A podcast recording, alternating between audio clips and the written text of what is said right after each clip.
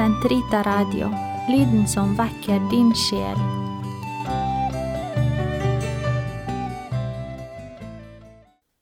Den katolske kirkes katekisme, uke 12, torsdag, paragraf 1237 til 1245.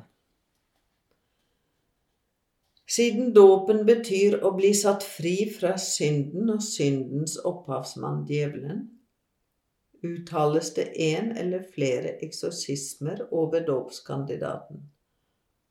Han eller hun salves med katekumenolje, eller den forrettende foretar en håndspåleggelse, og kandidaten avsverger uttrykkelig Satan. Etter slik å være blitt forberedt, er vedkommende i stand til å bekjenne den kirkens tro som dåpen betror ham eller henne til. Deretter blir døpevannet vigslet ved en epiklesebønn, enten under selve seremonien eller påskenatt. Kirken ber Gud om at Den hellige ånds kraft ved Sønnen må stige ned i vannet, slik at de som blir døpt i det, blir født av vann og ånd. Deretter følger den vesentlige sakramentale ritus, nemlig selve dåpen i egentlig forstand, som betegner og virkeliggjør død for synden og inngang til Den hellige treenighets liv gjennom likedannelse med Kristi påskemysterium. Dåpen utføres mest meningsfullt ved trefoldig neddykking i døpevannet. Men siden antikken har den også kunnet meddeles ved å øse vann tre ganger over kandidatens hode.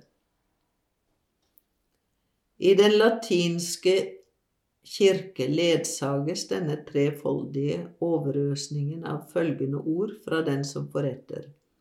Enn Jeg døper deg i Faderens og Sønnens og Den hellige ånds navn.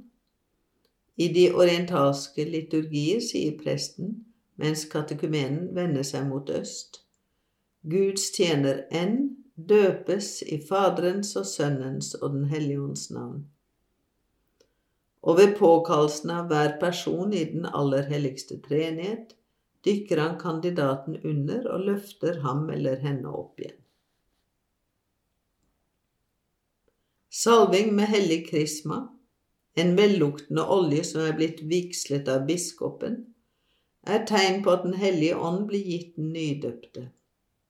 Han eller hun er blitt kristen, det vil si salvet med Den hellige ånd og innlemmet i Kristus, som er salvet til prest, profet og konge. I de orientalske kirkers liturgi utgjør salvingen etter dåpen kristmasjonens sakrament, fermingen. I den romerske liturgi innvarsler den enda en salving med krisma som bis biskopen kommer til å foreta. Dette er fermingens sakrament som så å si bekrefter og fullbyrder dåpssalvingen. Den hvite drakt symboliserer at den døpte har ikledd seg Kristus og er oppstanden med Kristus. Kjerten som tennes fra påskelyset, betyr at Kristus har opplyst neofytten. I Kristus er de døpte verdens lys. Den nydøpte er nå et Guds barn i den enbårne sønn.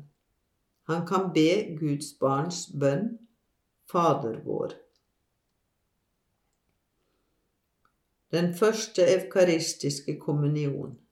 Neofytten, som er blitt Guds barn og har iført seg brudekjolen, blir nå sluppet inn til lammets bryllupsfest og får det nye livs føde, Kristi legeme og blod.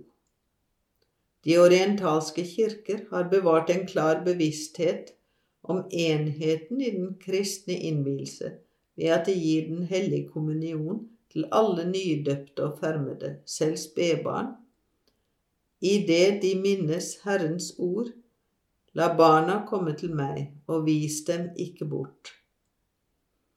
Den latinske kirke, som forbeholder adgang til Den hellige kommunion for dem som har nådd sjelsår og alder, gir uttrykk for at dåpen åpner for adgang til eukaristien ved å føre barnet frem foran alteret for å be Fader vår. Feiringen av dåpen avsluttes med en høytidelig velsignelse. Når det dreier seg om dåpen av nyfødte, inntar velsignelsen av moren en særlig plass.